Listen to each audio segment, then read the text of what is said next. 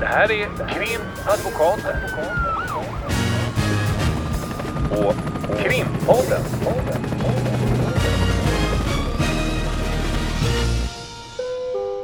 Parter och ombud kallas till sal 32. Hej Ulrika! Hej Lotta!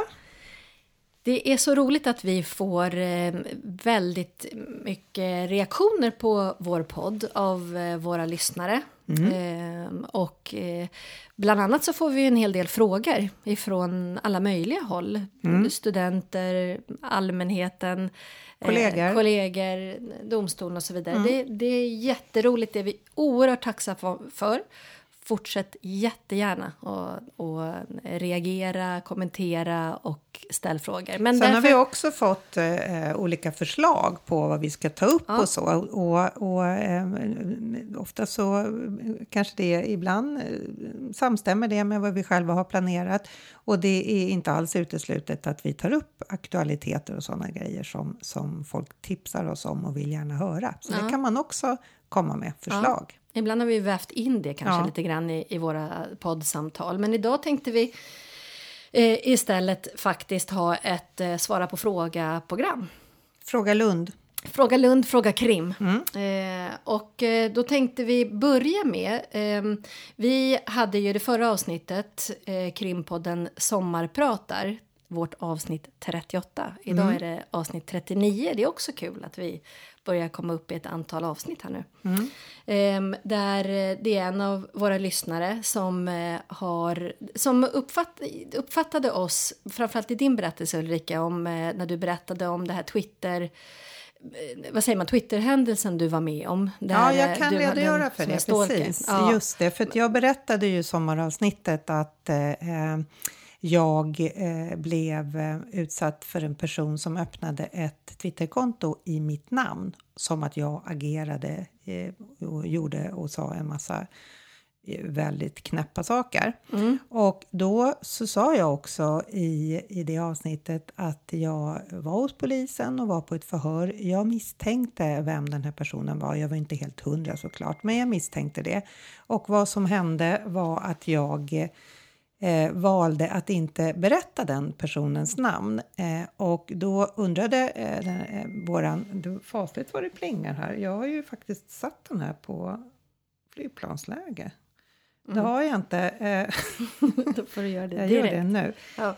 Så, jo, eh, då eh, ställdes frågan just vad var skälet till att, att du inte angav den här personens namn? Det vill säga, är det så att man som advokat eller försvarare som jag jobbar med då har någon en uppfattning om att det spelar inte så stor roll, men det kommer ändå inte bli någonting. Mm. Polisen kommer lägga ner, åklagare kommer lägga, lägga ner eller så. Att, det- Att att man inte har fanns- tillit liksom till Ja, polisens precis. arbete och utredningsförmåga kan man säga att en av våra lyssnare hade reagerat på. Precis, och det, det, det eh, var ju bra därför att eh, då funderade jag över att då kanske jag inte var så tydlig. För vad, vad som skedde var att även om jag hade en misstanke om vem den här personen var så eh, vi, valde jag att inte... Eh, jag, valde, jag valde att berätta för polisen att jag inte väljer att berätta om den här personens eh, namn och kontaktuppgifter. Av det skälet, det redogjorde jag inte för, för polisen, men skälet för mig att inte göra det, det var inte att jag på något sätt ifrågasatte eh, polisens utredning och så, eller möjligheter till utredning, utan det var för att jag har en erfarenhet av att ha varit försvarare i såna här typer av mål, eh, alltså stalkingmål, olaga förföljelse och även varit målsägande beträde när folk har blivit utsatta för stalkers eller förföljare. Och eh, eh, i vissa fall så kan man dra en slutsats av att det kanske blir värre om det blir en förundersökning som sätter igång. Om den här personen som är misstänkt kanske blir kallad till förhör, om den här personen eh, får komma till domstol. Eh, det finns ett ärende på byrån där vi har eh, den alldeles tydliga motparten i ett sånt mål där det har varit på det sättet att man upplever att personen som är förföljaren lite går igång på Mm. att det blir en rättsprocess. Och kan också uppleva rent generellt att det är ett sätt liksom för målsäganden att återigen ta kontakt Mm. och belysa den här personen. Så det var helt enkelt ett taktiskt övervägande Mm. som fick mig att inte avslöja vem jag misstänkte. Och det vill jag vara tydlig med också. Det, jag hade inte helt klart att det var så, men det hade ju de kunnat utreda då. Varför jag inte angav den här personens namn. Så det handlade inte om att, att eh, på något sätt rättssystemet eh, skulle utifrån mitt perspektiv inte, inte liksom sköta sina åtaganden, Nej, utan det, det är handlade om en tvärtom. taktik. Det är snarare tvärtom. Mm. Det är en tillit till att de då faktiskt tar kontakt och Ja. utreder och, och kollar, för det är då det triggar igång. Precis. Så det är nästan omvänt. Mm. Men vi kanske, vi kanske kunde ha varit tydligare med det. Men vad kan vi säga generellt då om det här med... För det är ju en, en alltid ständigt aktuell fråga i alla fall om man läser i media och så vidare. Hur, hur tycker du, hur är din tilltro till eh, polisutredningsarbete och, och, och förundersökningsprocess generellt? Om du kan uttala det generellt. Ja, men så, säga så här, vi, eh, det har ju varit eh, ganska mycket i media, kanske inte just nu när det är så mycket om, om gängkriminalitet och skjutningar och allt det här, men, men det ploppar ju upp eh, ofta och, och har varit ganska stor eh, debatt kring det här med att folk som anmäler en våldtäkt eh, eller ett sexuellt övergrepp, att, att det inte leder till åtal och att det inte leder till fällande dom och att man kanske ställer krav på att man inte ska ha lika starka eh, beviskrav som man har idag och att det finns en risk att, att man faktiskt går de åsikterna till mötes eh, därför att det blir på något sätt att då är det ingen idé att anmäla våldtäkter eller sexuella övergrepp eftersom de oftast sker i ett slutet rum.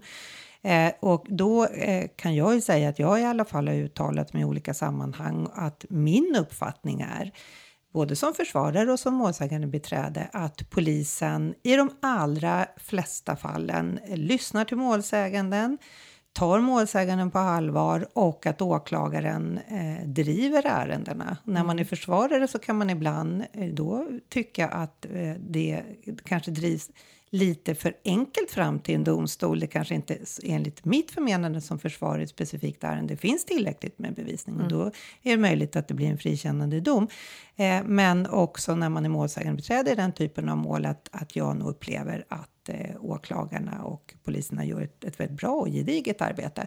Det finns ju alltid problem och det finns ju alltid rötägg i alla olika branscher. Även advokatbranschen har vi ju noterat här den senaste tiden med tanke på uteslutningar och så. Eh, och det finns ju även, eh, vad ska man säga, får inte uttrycka sig för tydligt, lite skämda äpplen i, i olika äppelkorgar även hos polis och åklagare. Det gäller väl för alla yrkesgrupper. Men eh, att det skulle vara så att en polis är, är, ser ner på en målsägande som anmäler en våldtäkt eller behandlar målsäganden, kvinna oftast, behandlar henne illa, låter henne inte komma till tals. Har man ett målsägandebiträde då bevakar målsägandebiträdet målsägandens rättigheter att komma till tals. Och sen har jag nog upplevt, jag har jobbat så många år, jag tycker att det har blivit bättre och bättre. Så att jag tycker inte alls att det ska falla någon vidare skugga över de utredningarna. Sen har vi hårda beviskrav i Sverige och det eh, ska vi nog vara stolta över att vi inte värderar olika brott med olika krav på bevisning. Därför att historiskt sett så är ju vissa brott väldigt allvarliga i allmänhetens uppfattning under vissa årtionden eller århundraden och vissa brott ännu allvar eller andra brott är allvarliga under andra årtionden. Eh, min uppfattning är, och det är väl jag är knappast ensam om, det är ju att man ska ha en, en, en robust bevisning för att, att det ska bli en fällande dom, att det ska gälla samtliga brott. Att man inte kan hålla på plocka upp eh, vissa brott, damma av dem och tycka att här sänker vi beviskraven. Nej. Men det att vi betyder har en inte... sorts gedigen rättssäkerhet och det Ja. är vi väl ändå stolta över. Och en rättstrygghet för målsägandena exakt. genom att de blir omhändertagna på det viset att de eh, har en god kontakt med polis, åklagare, också oftast via målsägandebiträdet. Också eh, när man kommer till den speciella avdelningen för våldtagna, till exempel här i Stockholm på Södersjukhuset, så har man möjlighet att få väldigt bra vård, väldigt bra insatser, kurativ verksamhet. Det finns eh, brottsofferjourer, eh, det finns trygghetsjourer, det finns jättemycket. Men då handlar det också om att man, eh, man också tar tillvara det, de rättigheterna man har. Så att det är inte så illa som det alltid beskrivs, eller Nej. oftast beskrivs i media. För att göra en lång historia kort. Ja, men för att göra en lång historia kort. Också och vikten av målsägande beträdet där, att man också kan guida sin klient till alla de här brottsofferstödet. Och, Ja, och när och det gäller sexualbrott just som vi var inne på så, så eh, är det ju eh, att få målsägande beträde i ett sexualbrott. Det är ju närmast legio det, det är ing, brukar mycket sällan, i alla fall i Stockholmsområdet, vara några som helst problem att få det. Så, eh, och det brukar oftast polisen fråga redan vid första förhöret om man inte har med sig ett målsägande beträde att man har rätt att få det och, och det är också kostnadsfritt oavsett om det läggs ner eller om det blir en frikännande dom så är det kostnadsfritt för målsäganden att ha en advokat eller en, en jurist som målsägandebiträde. Mm. Och inte bara i sexualmål ska sägas, även i många andra mål. Och, och det man kanske också framförallt ska lyfta, till exempel ungdomsmål. Det pratas ju en del om personrånen här. Ungdomar riktar sig mot ungdomar och även där är det ju ofta målsägande beträden som kan hjälpa till olika stöttande insatser och så vidare. Ehm, så nej, det, det var inte så du menade i din Nej. rättelse, sammanfattningsvis. Men sen tänkte jag också på att vi, vi har fått eh, frågor. Det var en artikel i Dagens Juridik nyligen där det var en advokat som har skrivit en, eh, en artikel helt enkelt om det här med att inte lämna några uppgifter ifrån en person som är misstänkt under förundersökningen. Och det här som man kan kalla för inga kommentarer, att man bara säger inga kommentarer på alla frågor. Och då eh, är, är, eh, har vi fått eh, flera, tre personer som har frågat oss hur vi ställer oss till det här mot bakgrund av att vi faktiskt har haft ett avsnitt om just det här med inga kommentarer. Då har jag kollat upp det. Vi kallade det så flott som You have the right to remain silent och det är vårat avsnitt nummer 20 där vi talar om den här saken med inga kommentarer och så. Men då tänkte jag att vi skulle kunna passa på, om man inte orkar lyssna just nu på avsnitt nummer 20, så kan man lyssna på avsnitt nummer nu och borra lite djupare i det här. Vad, vad, har vi för, vad har vi redovisat för uppfattning kring det här med, att, med klienters uttalanden, inga kommentarer? Nej, men, och de frågor vi får, om jag börjar i den änden Mm. bara, det gäller ju dels det här. ehm, är det vanligt? Mm. Är det vi som rekommenderar eller dirigerar klienterna att, att säga inga kommentarer? Inte Regisserar, till och med. Ehm, och ehm, hur är vår, ja, vad, vad är vår uppfattning? Är det det bästa? Eftersom det framkom bland annat i den här artikeln. Men det finns ju även andra som kanske har varit ute och sagt ibland är det det bästa för eh, klienter att, att kanske inte uttala sig i, i initialt i förhörsscener. Och så kan det ju vara. Och det senare uttala sig när man har fått del av hela förundersökningen och då är i domstolen. Och den vanligaste Eller då... påkallar ett förhör innan domstolen Ja, när man precis, har läst när man har läst allting. Och, och vad som kan vara då, det kan vara både framsida och baksida med det, men vad som, som eh, för det allra mesta om en klient har den inställningen att säga inga kommentarer så kommer man till huvudförhandlingen och berättar då sin berättelse. Då säger oftast den klienten att skälet till att jag har valt att inte säga någonting under förundersökningen det är därför att jag inte litar på polisen, jag litar inte på åklagaren, men jag litar på domstolen. Det är därför jag vill säga det här nu. Och då kommer det ju som en pingpong smash eh, boll tillbaka på försvaret och klienten att det här är en berättelse som nu är konstruerad i efterhand när personen i fråga har fått ta del av alla förhören, all bevisning och allting som finns i målet. Och därför ska man inte lägga någon som helst tilltro till den berättelsen. Nej. Precis, men sen finns det ju också eh, ny praxis, eller ny är det ju inte längre, men det finns praxis från HD till exempel, där man säger att ja, man är så stressad och man är utsatt under hela förundersökningsprocessen, inte minst om man är misstänkt för ett allvarligt brott och det man säger då i förhör Kanske mer om man säger några eh, små lögner som det kanske kommer fram att det inte riktigt överensstämmer med den bevisning som sen framkommer. Att det kan vara präglat av den rädsla och utsatthet man upplever under. Och därför så ska man heller inte lägga vikt vid hur man har agerat under förundersökningsprocessen. Ibland så kolliderar ju lite eh, de här uppfattningarna, tycker jag. Ofta är det ju att det påverkas, tycker jag, snarare. ehm, Men jag tror att det är farligt att generalisera Ja, vare sig den ena eller andra riktningen. Och det, Det var det vi precis. Mm. var lite inne på när vi talade om det här tidigare. Eh, vi- jag kan- jag kan börja med att säga att, att vi, vi, vi ägnar oss inte åt regi.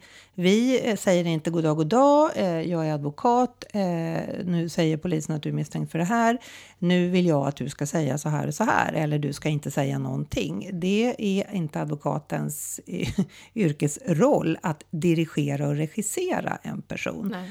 Eh, utan vi ska vägleda juridiskt och vi har också våra etiska regler att förhålla oss till.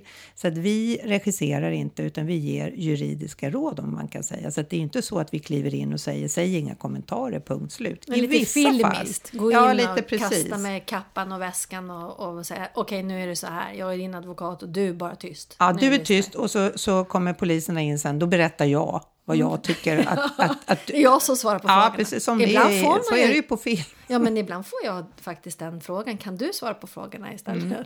Det är lite svårt eftersom då blir det nog lätt inga kommentarer. Ibland kan det vara relevant med inga kommentarer. Men kan du ge några exempel på när vi eh, pratade om det här tidigare, när, det då är, när man kan tycka när man pratar med klienten innan, när man nog tycker att det är läge att faktiskt berätta olika saker? Ja, men det kan ju vara till exempel när det är fråga om någon ansvarsfrihetsgrund, det vill säga man kanske har agerat i självförsvar. Då kan det vara väldigt bra att man redan från början beskriver hur det faktiskt har varit. Man kanske har agerat i ett nödläge. Det är också en sån här så kallad ansvarsfrihetsgrund, alltså där man ska vara fri från ansvar för att man har rätt att agera på ett visst sätt. Och då kan det ju vara bra om man redan från början och inte när man har tagit del av all bevisning och så vidare berättar att men nu är det så här, jag är jätterädd för den här personen eller jag känner till att den här personen har gjort det här och den angrep mig på det här sättet. Ja, Ja, och då, då om det inte har kommit fram i ett tidigt skede så är det svårare att få gehör för den därför att då kanske det inte är ovanligt att man använder det som en, en sorts... Ja, det har du kommit på nu. Ja, exakt. Det är samma sak om någon är åtalad för, vilket inte alls är särskilt ovanligt, att man har utfört ett brott tillsammans i samförstånd eller tillsammans i samråd med, med andra personer. Och det, eh, klienten säger, jag var på den här platsen, men jag har banne mig inte varit med och rånat den där killen. Jag stod på sidan om och var livrädd. Då, då, då, då kanske man inte ska dömas som gärningsman, för det kan man göra tillsammans med andra. Då får man bära ett huvudansvar tillsammans med de andra. Utan man kanske har gjort sig skyldig till någon mindre allvarlig brottslighet eller faktiskt inte har gjort sig skyldig till någon brottslighet alls. Nej. Och då skulle ju definitivt inte jag, om det finns en rimlig och en bra förklaring som kanske också finns ett visst stöd man kan få fram, då skulle jag ju inte säga till min klient, eh, säg inga kommentarer så tar vi det när vi sitter i huvudförhandling. Nej. Därför att det kan också vara så att man kanske inte heller blir fortsatt frihetsberövad om, om man har en rimlig förklaring. Kanske inte när det gäller tillsammans i samförstånd eftersom då är det oftast flera inblandade och då brukar åklagaren och även domstolen tycka att det finns risk att man på något sätt påverkar eh, utredningen om man försätts på fri fot. Men som i ett sånt ärende som du säger, till exempel nödvärnssituation eller något, då kan det vara väldigt på sin plats att faktiskt beskriva situationen. Men det, det är hela tiden upp till varje enskild berättelse och varje enskilt händelseförlopp. Och det är väl därför vi har ju också återkommit i, nu kan jag inte säga vilket avsnitt, för det är väl någonting vi återkommer till ganska ofta det här att vårt yrke är ju ett hantverk, alltså att, av erfarenhet och av hur många gånger, alltså hur många mål vi har haft och hur vi liksom har iakttagit hur det fungerar i processen så är det vårt jobb att vägleda utifrån de omständigheter som faktiskt är. Och då vägleda inte genom att säga okej, men då ska du säga så här, utan snarare så här ser det ut. Om du säger så här, då kan det bli så här. Jag brukar säga att vi är experter på att utarbeta olika scenarier och sen lägga fram det och säga okej, kör vi så här, kör vi så här, blir det så. Det här blir konsekvenserna sannolikt. Vi kan ju inte veta givetvis. Men, men att man i det eh, diskuterar med sin klient. Ja, och det handlar ju också om eh, att alltså, man jobbar ju i... Alltså, det låter ju lite pretentiöst, men det är faktiskt så det är. Eh, man jobbar ju i, i en gemenskap med klienten, i ett team.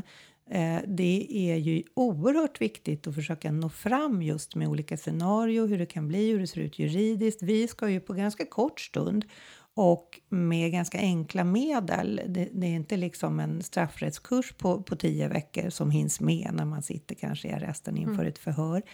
Eh, eller när man ska upp i en huvudförhandling. Det behöver inte vara en frihetsberövad klient. Men man måste ju med ganska enkla medel och, och med, med ganska stor insats av pedagogik beskriva juridiken. För att de är inte advokater och det är, ju- de jobbar med andra grejer. Och, och, och då är det ju viktigt också att för, förmedla till klienten, det är så här det ser ut juridiskt. Ja, men jag har hört att folk säger så här. Mm. Det, är- det är inte alltid ovanligt att det är lite råttan i pizzan av vad folk Mm, exakt. har hört. Verkligen. Och då försöker man att, att beskriva eh, det är så här det ser ut. Och, och, och, och sen är det alltid svårt för Å ena sidan som advokat så har man ju lärt sig, och det det fick man väl lära sig med modersmjölken, att det, det går ju aldrig att säga med 100 procent är det så här. För ibland när klienterna hänger med på det här och lyssnar på resonemanget och, och är helt med på banan så kommer det ändå så här 40-60, hur ser det ut 70-30, vad har vi för chanser här om jag gör si och så. Då blir det också att man hamnar i, i någon sorts liksom, eh, spelteori. Och det är inte där vi är, men om man, om man förmedlar till klienten så här ser det ut juridiskt med olika varianter då är det ju också upp till klienten att bestämma sig. Vi kan ju inte heller regissera på det viset att vi skulle säga att nu eh, tänker jag tala om för domstolen att du accepterar att du har fångats på den här övervakningsfilmen fast du säger att det inte är du, för jag ser att det är du. Nej, Så vi precis. kan ju liksom inte hålla på och bestämma saker på det viset. Vi Nej. ger råd. Nej, precis. Ja. Eh, vi måste skynda vidare i de frågor vi får så att vi hinner besvara några stycken tänkte jag. Eh, vi har också fått en del frågor och kommentarer ska sägas kring eh, när det i pressen framförallt eh, har uppmärksammats eh, det här att advokater kostar så mycket i de stora målen nu. Det, det är ju riktigt att det blir, tycker jag, många flera större mål. De är ganska komplexa och inte minst nu med Encrochat-målen och så Nu måste jag ändå få avbryta dig här. Ja. För att jag skulle vilja också påpeka att eh, advokater är så vansinnigt dyra.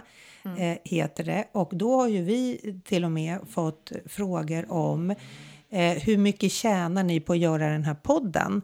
Vad drar Ja. ni in för att göra alla de här avsnitten? De Och då- frågorna måste du ha raderat, för de har inte jag. Jo, hur mycket, någon- hur mycket tjänar du på att göra den här podden? Och, och, och då kan jag glädjande nog säga att vi tjänar noll kronor på Mm. att ta den tiden det gör, gör, tar i anspråk att göra den här podden. Och att vi är så väldigt nöjda och stolta över att vi kan göra den här podden.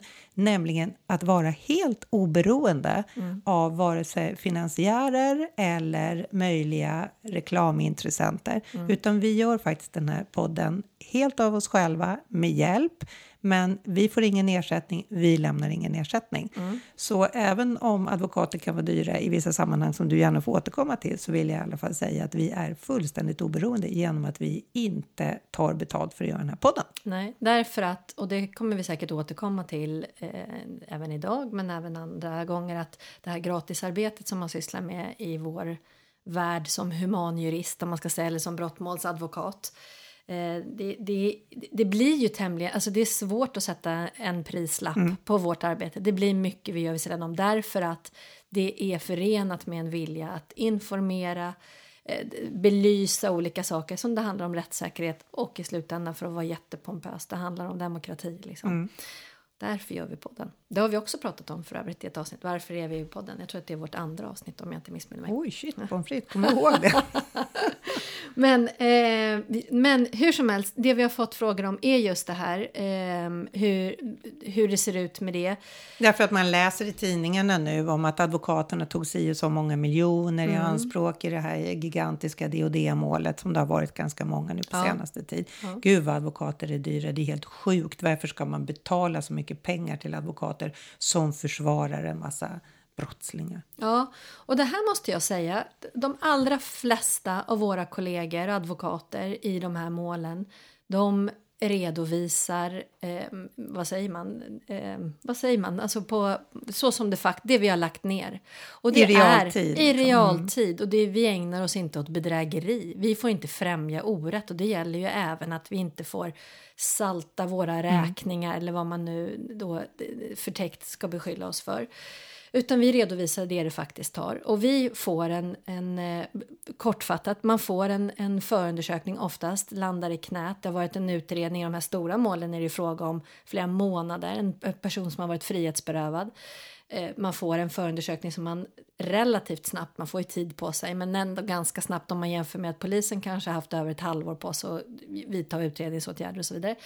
Och då ska vi sätta oss in i det, vi ska läsa, vi ska gå igenom med klienten. Och då ska man ju också säga att vi får ju alltså ytterst sällan eh, no någon mer information än det som klienten berättar för oss i förhör och berättar för oss. Och då vet vi inte, i, i, i de allra flesta fall så har vi inte när vi sitter med flera tusen sidor som kanske ska läsas på en vecka eller två. Eh, då eh, så kan vi inte heller veta vilka av de här sidorna är relevanta, vilka måste jag läsa noggrant, vilka kan jag strunta i att läsa. Så att vi sitter ju lite blinda för åklagaren har ju inte talat om vilka, hur åtalet ser ut Nej, när vi får ju- förundersökningen. Precis. För först får vi en förundersökning nu för alla er lyssnare som kanske inte är insatta i hur det faktiskt ser ut i en förundersökningsprocess. Vi får först förundersökningsprotokollet. Då får man tid för erinran, det vill säga gå igenom allting och se är det någonting vi tycker att utredningen ska kompletteras med. Någon miss som man har gjort eller man har glömt att förhöra något vittne. något vittne, Ja. Eller någon kompletterande uppgift från en bank eller vad vet jag. Mm. Liksom. Och därefter får man då lämna den så kallade erinran. Då är då om man tycker att det ska kompletteras på något sätt. Och därefter så, så får man del av eh, åtalet när samtliga advokater har fått ge, Eh, säga om man har någon erinran. Och i åtalet så framkommer eh, var eh, i förundersökningen, eh, det låter som att det är en bibba papper, det kan vara hur många bibbor som helst. Ja, det Eh, kan vara på flera tiotusentals precis. sidor, liksom. Vad är det åklagaren kommer att åberopa för skriftlig bevisning? Mm. Och då anges det i åtalet och på sidan dit och dit och här och där, där är det här åberopas. Och det vet vi då inte när vi får första gången att läsa igenom hela den här massan med material. Och även om man i förhör och i, i, när man har fått höra själva misstankeformuleringen och, och så vidare och man kanske har jobbat i flera månader och förstår alltså vad det handlar om generellt. Man har suttit på några omhäktningsförhandlingar och fått lite mer information och så vidare. Man har en, liksom en bild, men den är ju inte helt är inte, specificerad. nej, den är inte, den är inte eh, fullgod om man säger. Såklart, därför att de säger att det är en kollisionsfara, det vill säga att man får inte allt för då kan man eh, påverka förundersökningen. Det är ju rent lagligt därför vi inte heller får all information. Eh, Men sen är det ju så att de kan faktiskt ha gjort någon utredning i den så kallade slasken som kanske visar åt ett helt annat håll. Och det, det vi, det vårt arbete är att se, finns det ett ett litet frö av tvivel i det här påståendet som kommer att komma. Och det När kan ju vara säger jag har annat. inte varit inblandad i det här. Exakt. Jag förnekar det här, jag har inte gjort det här. Det här, och, och har man den inställningen, eller så här att visst, jag var där eh, men inte där och jag har inte, alltså det kan ju vara en mer komplex invändning än, än bara ja eller nej liksom. Och då måste man ju för att, för att ge ett gott försvar, jag tror att alla som kan tänka sig in i hur det blir att bli misstänkt, till exempel för en, en mycket mer omfattande brottslighet än vad man har gjort sig skyldig till. Eller att man överhuvudtaget man har varit på fel plats vid fel tillfälle. Det finns ju så otroligt många situationer man kan hamna i där man då kallas misstänkt, men men när man själv kanske tycker att men vad är det här? Jag hör inte hemma överhuvudtaget i den här utredningen. Och Men min måste vi- advokat kan ju inte sitta och, och hoppa över sidor då eller Nej. strunta i att titta i det här sidomaterialet slash slasken. Eftersom det ju, förstår ju jag att, att jag kanske får helt enkelt dömas för det här fast jag är oskyldig eftersom det blir jättekostnader för staten. Ja. Är det så man ska Nej, men det, är tänka? vi, det är lite där det vi nästan är på väg att landa. Och det, det är därför också. Då, och då, jag tror ju att det är så här. Det, det är politik. Det sägs att det kostar, det är alldeles för stora kostnader i, i rättsväsendet nu och det handlar ju om budgetering och så vidare. Och våra, vi är ju de enda som lämnar in en, en kostnadsräkning. Vi är Som de man kan ta del som av. man kan se. Oj vad dyrt det blir. Men när det blir större och mer komplexa brottsutredningar, rättegångar och så vidare, ja då kostar det också mer att få ett fullgott försvar. Vi är, Och då en är det- rättsstat. Ja, och som du säger, det, det är den enda prislappen man ser. Man ser inte vad det kostar att ha haft 30 dagar i huvudförhandling, vad det har kostat att betala ut lön till domare, att betala för nämndemän, att betala för notarien som sitter med, det kanske är två domare, att eh, betala för vad det kostar för tingsrätten.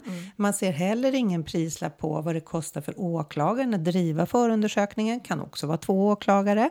Och man ser heller ingen prislapp på vad det kostar för polisen. Det kan vara 18 poliser som har drivit ett ärende i, i, i ett halvår, ett år. Utan det lätta, snabba fokuset, det blir den här kostnadsräkningen som advokaterna Mm. eh, lämnar in. Och då vill jag säga, du som är nu inne på massa prislappar här. Mm. Det här har vi ju påpassligt också pratat om i, i ett avsnitt. Och det är vårt avsnitt 26 som också heter Prislapp på rättvisa. Där vi går igenom då de olika kostnadsposterna. Vi kollar budgeteringen och, och poliser, poliser domstol. och NFC ja. är vi inne på, Rättsmedicinalverket. Det är ganska intressant och där kunde Det vi ju jämföras. konstatera att Mm. vi är, vi då som advokatskrå, är en, en väldigt liten procentdel av det totala rättsmaskineriet. Så som, jag menar det är inget konstigt att det ser ut så, men när man sätter fokus på våra kostnadsräkningar och att vårt arbete, och då ska jag säga så här, de flesta formuleringarna i de här domarna det är ju, vi betvivlar inte att du har lagt ner det här. Vi tror inte att du far med osanning i att du har lagt ner det arbete du har gjort. Men vi bedömer att du har yrkat alldeles för många timmars betalning. Det är också konstigt. Ja, Mm. Och det då- betyder inte att du har gjort, nej, när klienten ringer ska jag inte svara då? Ska jag säga, nej men hör du, vi ska ju ändå ses här Om en vecka. om en vecka eller två eller liksom. Och han sitter ensam eller hon sitter ensam på häktet och den enda person man får prata med är advokaten. Ja, och sitter man 23 timmar isolerad i en cell på häktet så är det klart att det går många tankar, man har många idéer om hur man ska föra sitt försvar. Man måste ventilera det. Mm. Därför att man ska också klara av, för att få en rättvis rättegång är att man, man ska klara av en rättegång. Och Men det är sen är vårt det ju- arbete också. Och sen är det ju också det som du säger att de skriver, det är en ganska vanlig formulering det här med att vi betvivlar inte att du har gjort det här och, och, och så, men, men det är alldeles för dyrt så du bestämmer att det ska bli så här istället. Då är det ju så att då hör ju till saken att domstolen kan man ju säga får en, ett eh, paketerat och redan klart ärende till prövning. Det vill säga Förundersökningen tar inte domstolen del av. De sitter, får, får inte sitta och läsa i den. Eh, De kan ju titta på antalet sidor förvisso, men eh, de får ett åtal och de får döma enligt muntlighetsprincipen och omedelbarhetsprincipen över vad som sägs och hörs, vad som visas upp via vittnen, förhör och skriftlig bevisning under de rättegångsdagarna som är. Och de får också en välpaketerad, om man får uttrycka sig slarvigt, klient, nämligen vi har pratat med klienten, det där är inte relevant, det här är relevant. Det har varit långa diskussioner, kan det vara, och det har varit långa pedagogiska eh, överväganden och informationer om hur vi kommer fram till den här delen gemensamt, vad som ska pratas om. Och det är lätt för domstolen då, tror jag, jag kan misstänka det och tänka att alltså den här personen blev ju i slutändan eh, bara åtalad för en punkt i det här Exakt. jätte, jättestora målet. Men det vet vi ju inte därför att misstanken som personen har fått, som vi har suttit med genom förhör och genom häktningsförhandlingar, kanske har varit sju misstankar och så kokar det ner till, låt säga tre då. då är, det kan ju inte vi veta. Även om vi tänker det här är ju inte så särskilt stark bevisning, men det kan ju mycket väl vara så att åklagaren anser motsatsen och väcker åtal där. Det vet ju inte domstolen när man sitter där. Nej.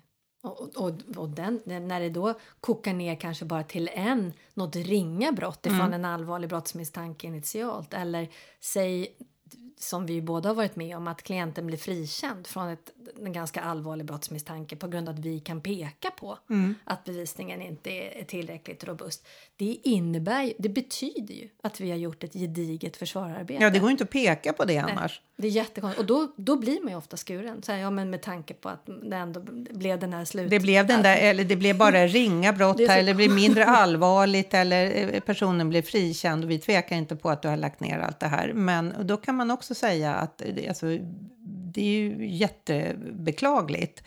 Det finns ju oerhört mycket att sitta och, och, och, och orda om när det gäller det här och det blir ju lite som att man känner att det kan vi ju inte göra hela tiden. Men, men vi måste ju ändå säga det också att både du och jag, de kollegorna som vi har kontakt med, vilket är ganska många, eh, när man blir skuren i en räkning, när man upplever att eh, man ligger hela tiden ganska lågt. Man tar inte för, betalt för alla samtal. Klienter ringer 24-7, man tar inte betalt för allt därför att man vet att vissa grejer kan man inte ta betalt för. Nej. Och, sen, Anhöriga som man ringer och lugnar Mm. och, och så vidare. Det är ju mycket sånt. och då blir man ju väldigt besviken när, när, när domstolen säger vi betvivlar inte att du har lagt ner 170 timmar här men du får betalt med 140. Mm. Jaha, Ja, varför då? Därför att vi anser inte att eh, det behövs. Och då, då eh, kan jag ju bli så ibland. Man har ju rätt att överklaga ett, en, Mm. ett sånt beslut. Men jag kan bli så ibland, det kanske jag inte ska säga, men jag kan ju bli så att jag blir så eh, störd så att jag, ett överklagande för mig eh, innebär att jag eh, går upp i ännu mera irritation Mm. om att jag tycker det är ohemult, om jag får säga så, att skära på det viset. Mm. Så att ibland så struntar jag i att överklaga just därför att jag orkar inte ens ta i det, för att jag tycker att det är så tråkigt att man inte ifrån domstolar, och nu, nu är det inte så här hela tiden, Nej, men, men nu är vi inne på det här är- spåret. ja. Men det är så tråkigt att det just. också är svårt att, att kunna se in i det jobbet som advokater utför.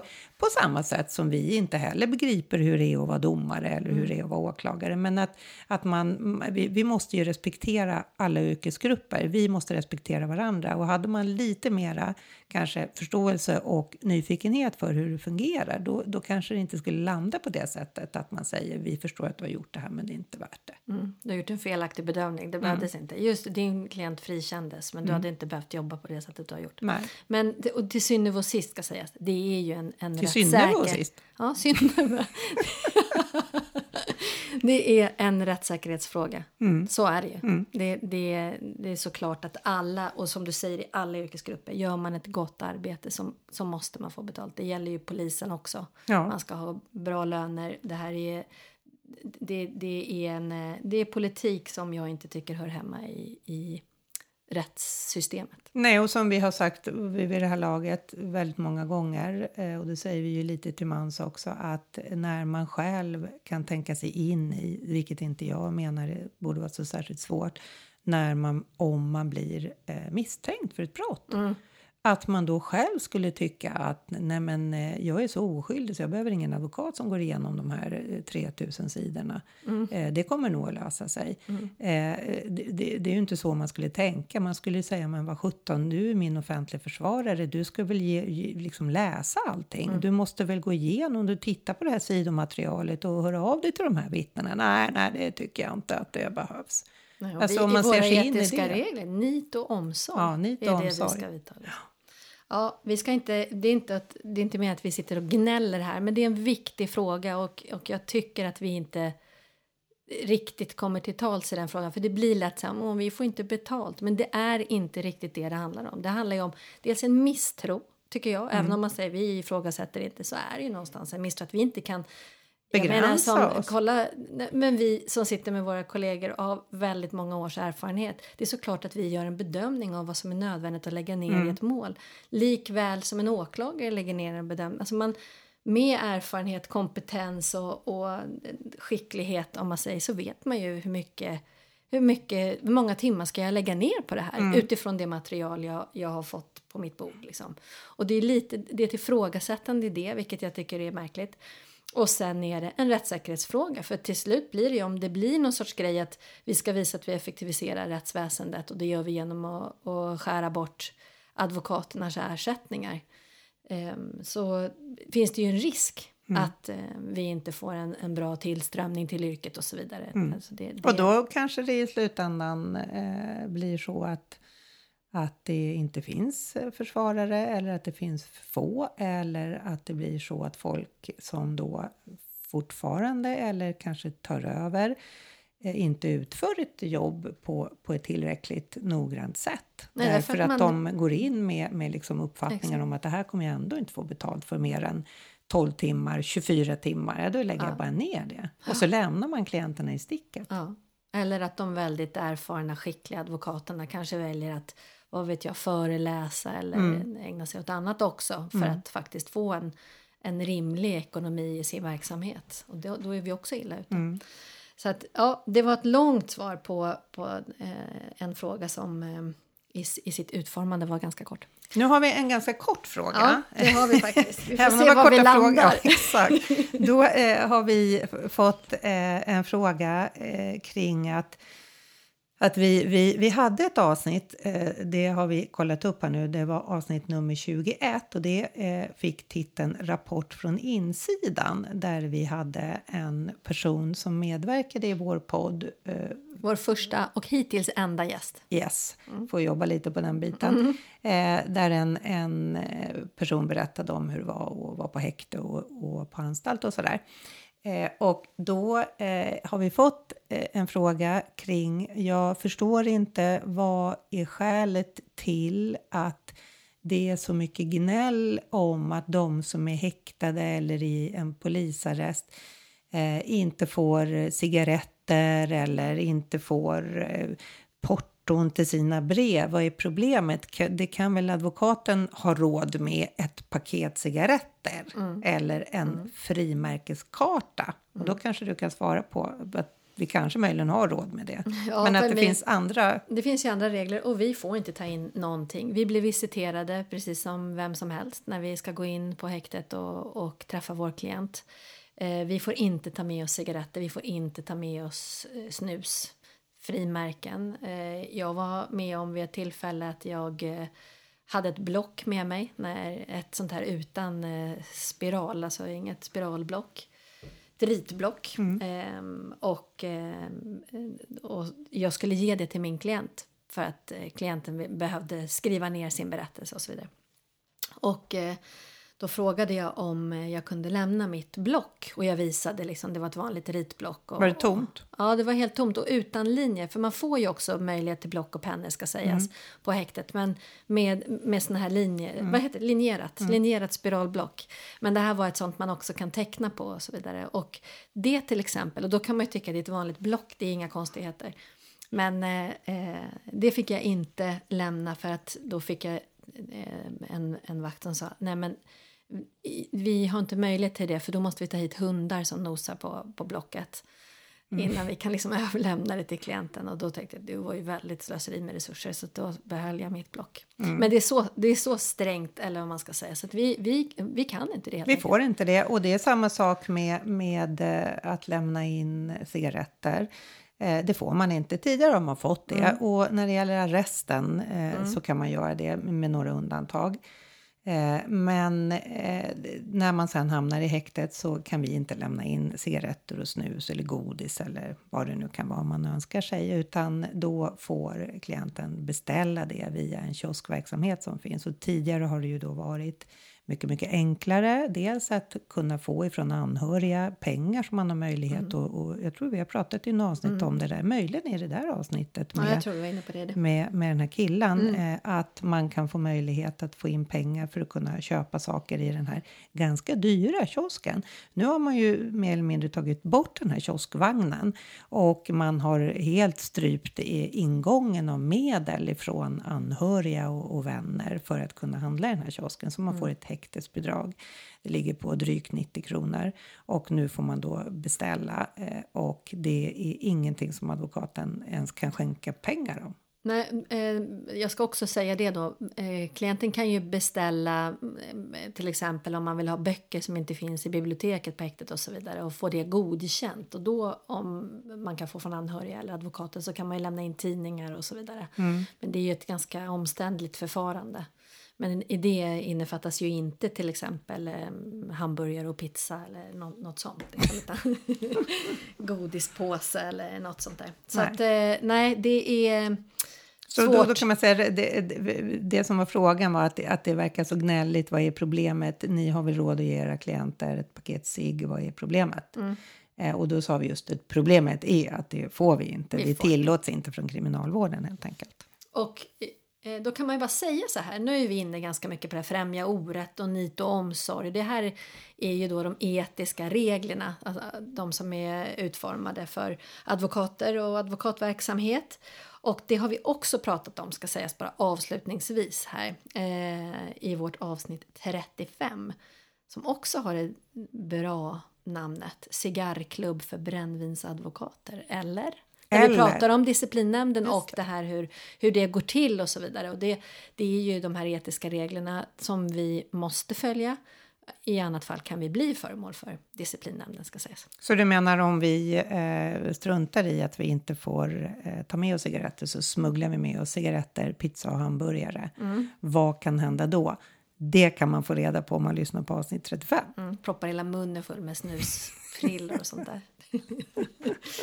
Ja, men det var i alla fall lite Fråga Krim som vi har kört idag. Ganska långt avsnitt. Men det hoppas vi att vi får återkomma till. Så Mer frågor. mer frågor, bombardera oss fullständigt. Det är roligt att få um, eh, respons. Och...